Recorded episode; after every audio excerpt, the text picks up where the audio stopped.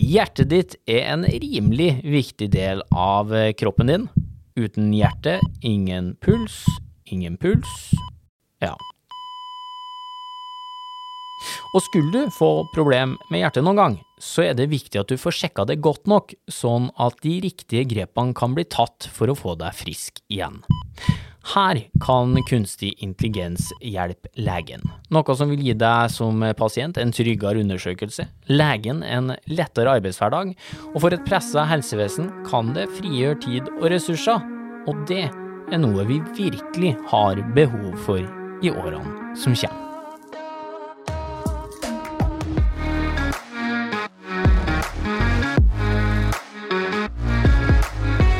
Hører podkasten Smart forklart med Aksel Faanes Persson.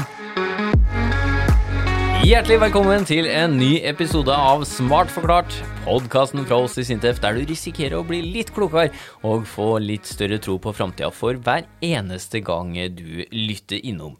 I denne episoden så handler det om hjerteultralyd og kunstig intelligens. To ting som ser ut til å være en veldig god kombinasjon hvis du en dag skulle få behov for å sjekke hjertet ditt. Og i dag så tror jeg det er så trygt som det går an å bli her i studio, for vi har med oss en lege på laget. Hei, Bjørnar. Ja.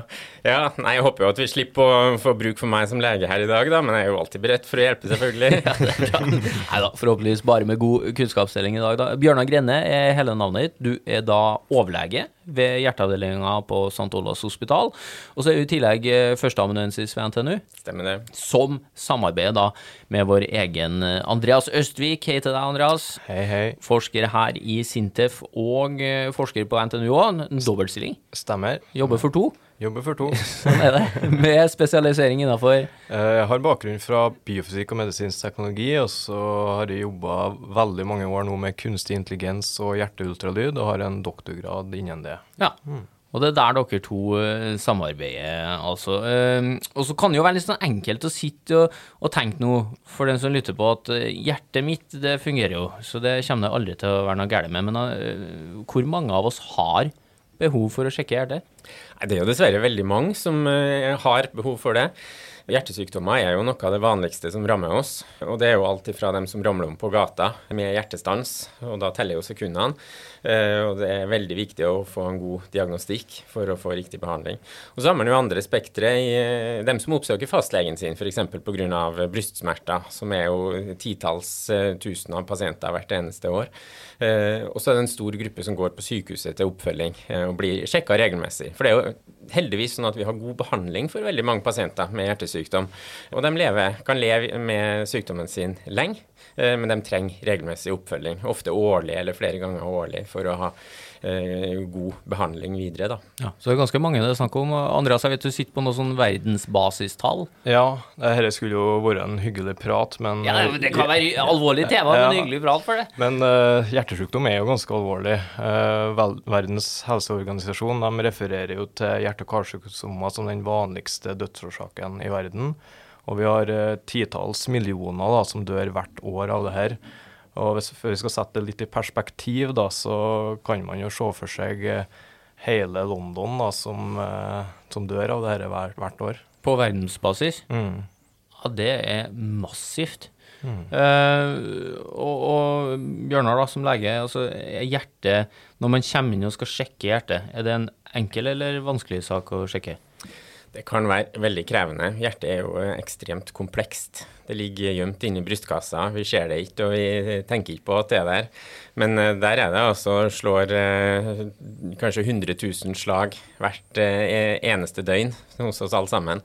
Og da er det hjerteklaffer som åpner og lukker seg, og det er hjertekamera som trekker seg sammen og slipper blodet inn. Og det foregår jo stort sett uten at vi tenker på det. Men det at hjertet ligger inni brystkassen, skjult bak ribbeina, det er jo ikke tilfeldig at det ligger skjult bak ribbeina, for det er jo så verdifullt, det her hjertet, og det må passes godt på.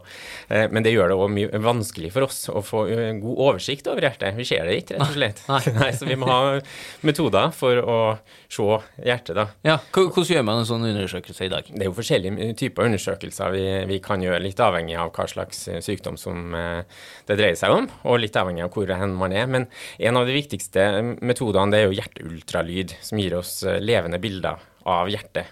Ja, for da kommer altså pasienten inn, eh, legger seg ned på en eller annen seng, får ja, ta oss gjennom hvordan det, hvordan det går. Ja, ja, det foregår jo som regel med at vi legger pasienten ned på en undersøkelsesbenk. Eh, og så er det et lite instrument som vi kaller for en ultralydprobe, som vi plasserer over brystkassen eh, til pasienten. En slags joystick? Ja, litt som en joystick, ja. Ja, ja helt rett. Eh, og, og, så er den kobla til en eh, skjerm, da, sånn at vi ser eh, bildene i sanntid. Ja, hvorfor ultralyd? Hva er fordelene med det? Ja, Det er mange fordeler med ultralyd. Eh, for det første så er det helt, ultralyd er helt ufarlig. Ikke noe stråling f.eks., sånn at det er uten bivirkninger. Det er ikke noe smerter eh, med det. Og Samtidig så får vi gode bilder altså i sanntid. sånn at mens vi sitter og undersøker pasienten, så ser vi altså hvert hjerteslag, og vi ser de her klaffene som åpner og lukker seg, og hvor godt hjertet trekker seg sammen. Og Det er helt avgjørende når vi skal stille riktig diagnose. Ja, og så er vel egentlig, Det må du rette meg på hvis det er feil, men jeg har hørt at ultralyd er jo en sånn ganske billig teknologi òg. Altså den er tilgjengelig verden over. Det stemmer. Uh, ultralyd er den, en av de rimeligste avbildningsmodalitetene. Uh, hvis du sammenligner med CT og MR f.eks., så er det mye rimeligere. I tillegg så er det en teknologi som kan bli og er relativt portabel, så man kan eh, lage dem sånn at de får plass i lomma til helsepersonellet. Ja, flyttbare med andre ord. Men så er det jo noen eh, utfordringer her, eh, Bjørnar. Det er det. Jeg tenker Det er to hovedutfordringer, sånn som jeg ser det. Det ene handler om at det er veldig tidkrevende å gjøre det her. Og det andre handler om at det er avhengig, veldig avhengig av hvem som gjør det. Eh, så vi starter med det med tida. da, så er det, altså Pasienten kommer jo inn, vi gjør undersøkelsen og tar opp bildene og lagrer bildene. og Det kan ta fra 20 minutter til en halvtime i beste fall.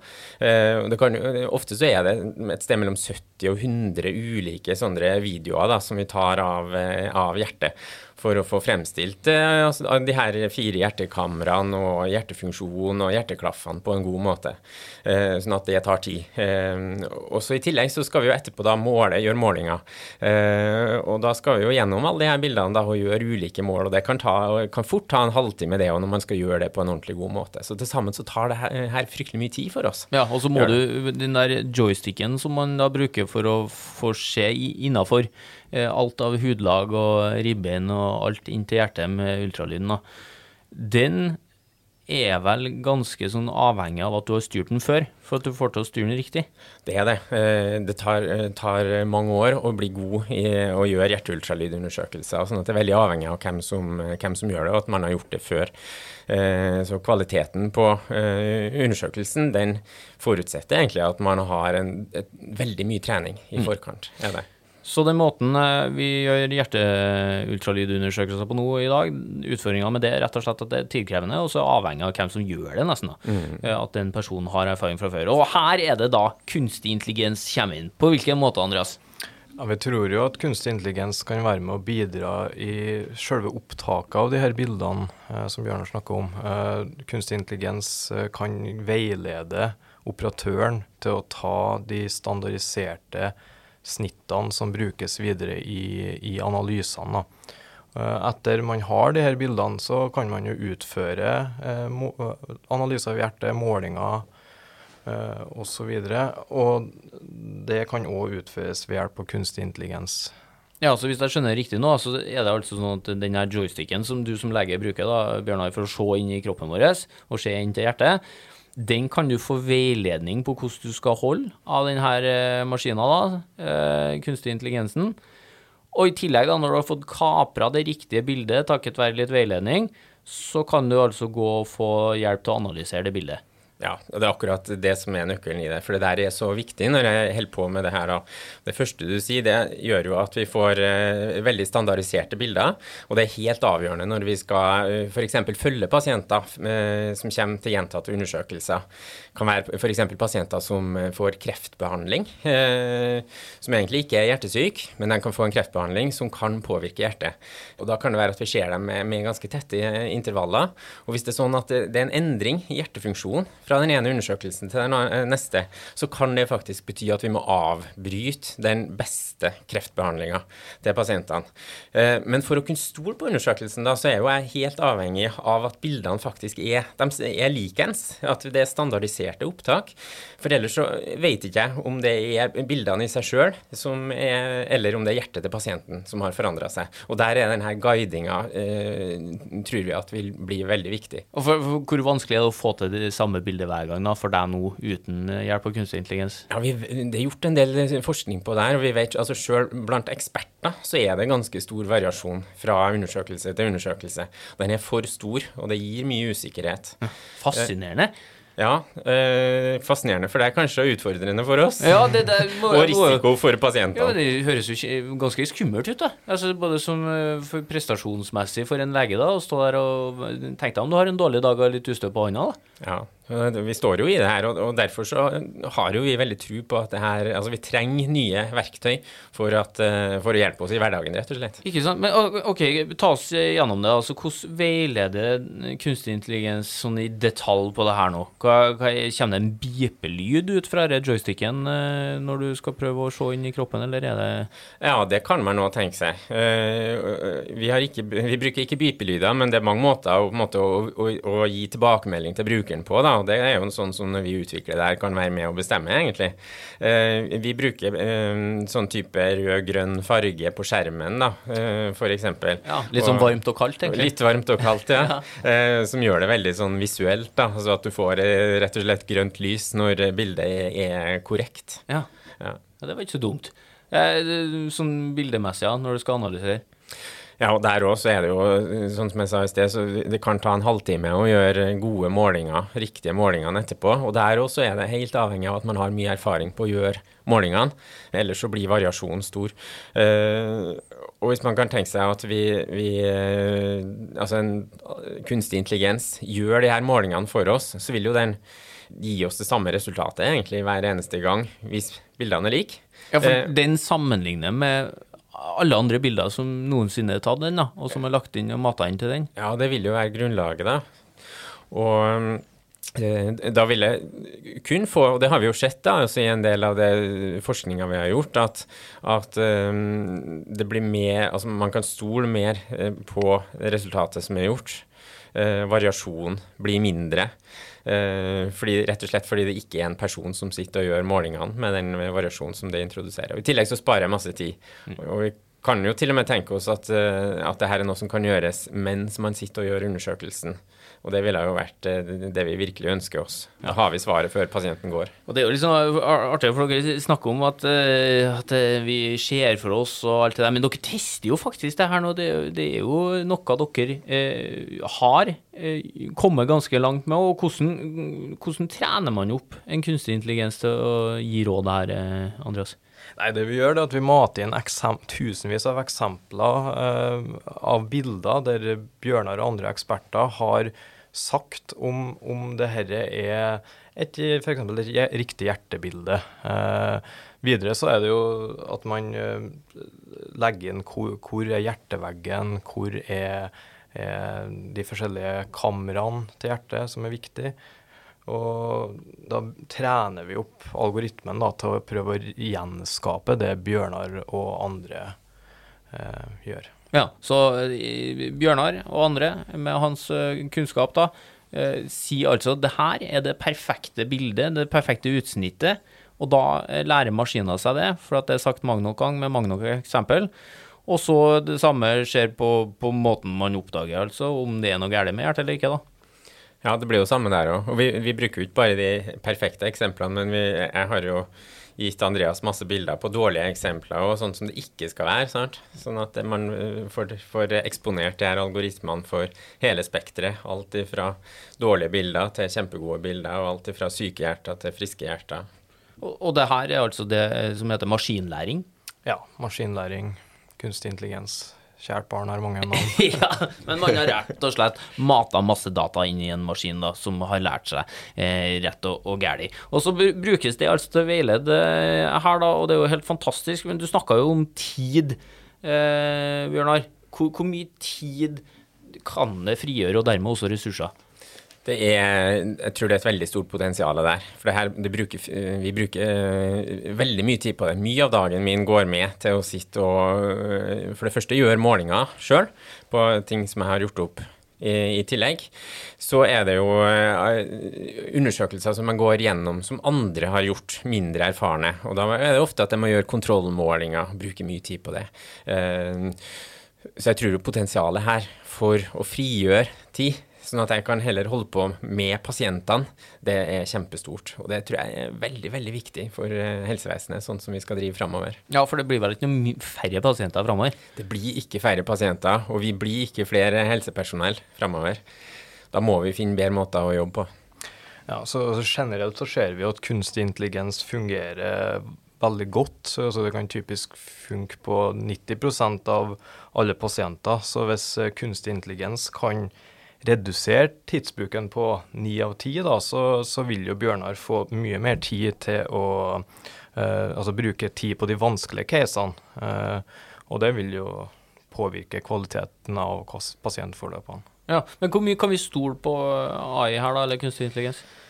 Vi kan jo ikke store blindt på det, og det er kanskje heller ikke et mål. Eh, vi vil jo fortsatt ha samhandling mellom legene og, og den kunstige intelligensen. Uh, og vi vil jo fortsatt at mennesket skal ha kontrollen. Uh, samtidig så har vi lagd de her algoritmene slik at uh, ekspertene kan se hva er det kunstig intelligensen gjør.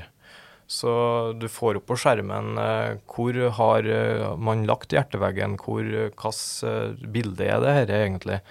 Og det, det gjør at de kan gjøre kvalitetssikringa i tillegg. Ja, vi, altså vi som leger, jeg som lege er jo veldig skeptisk av natur. ja, det, det, er jo, det er jo det er sånn. Ja, eh, vi, vi stoler helst på oss sjøl. Nei da.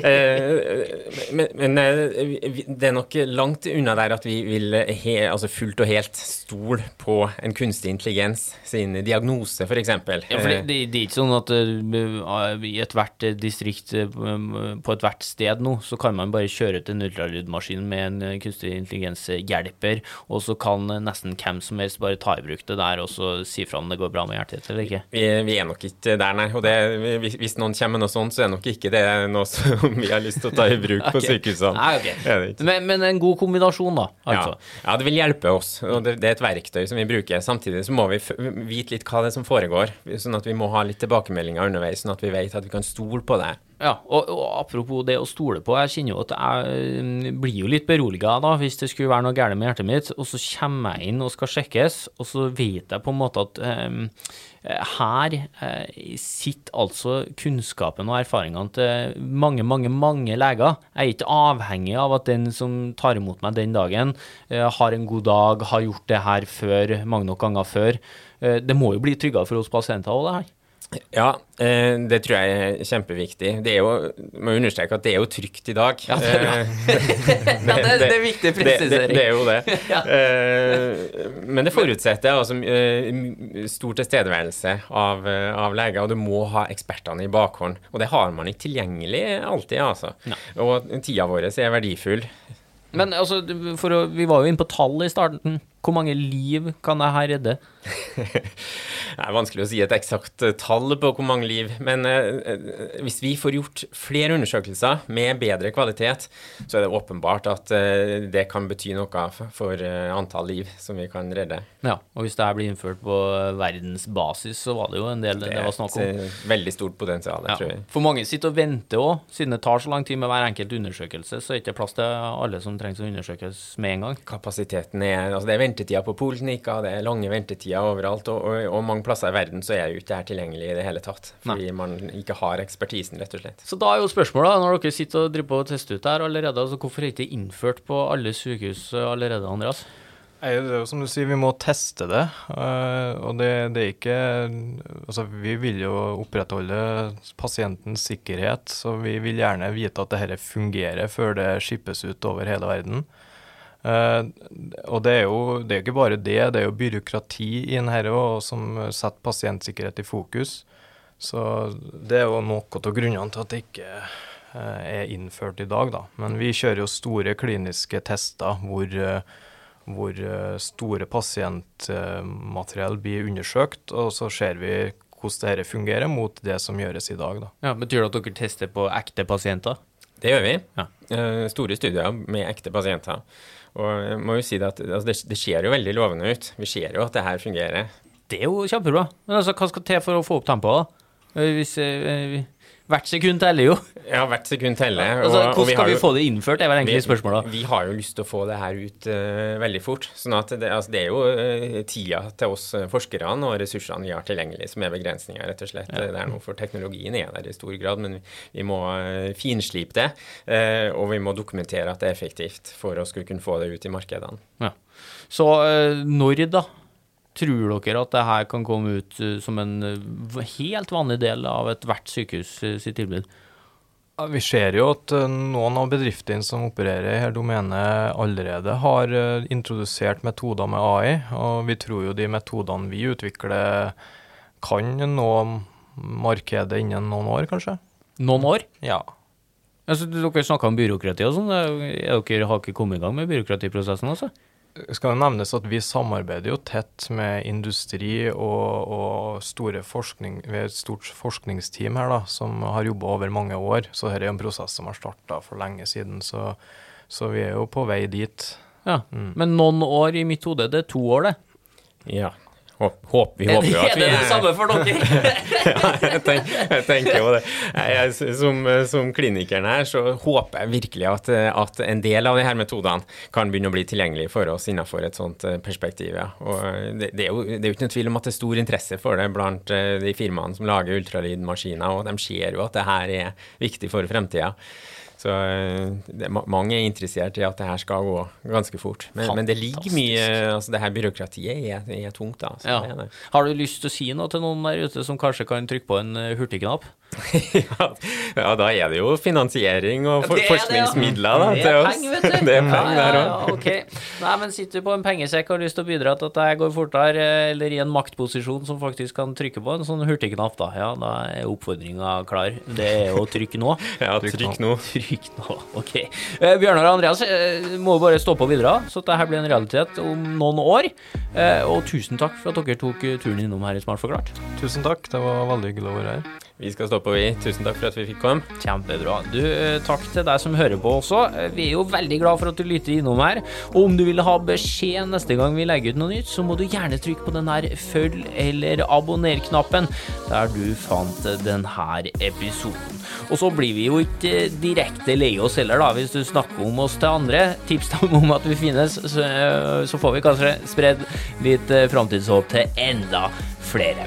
Har du ris, ros eller innspill til hva vi bør snakke om, så er det bare å sende en e-post til smartforklart alfakrøllesintef.no. Smartforklart i ett ord der.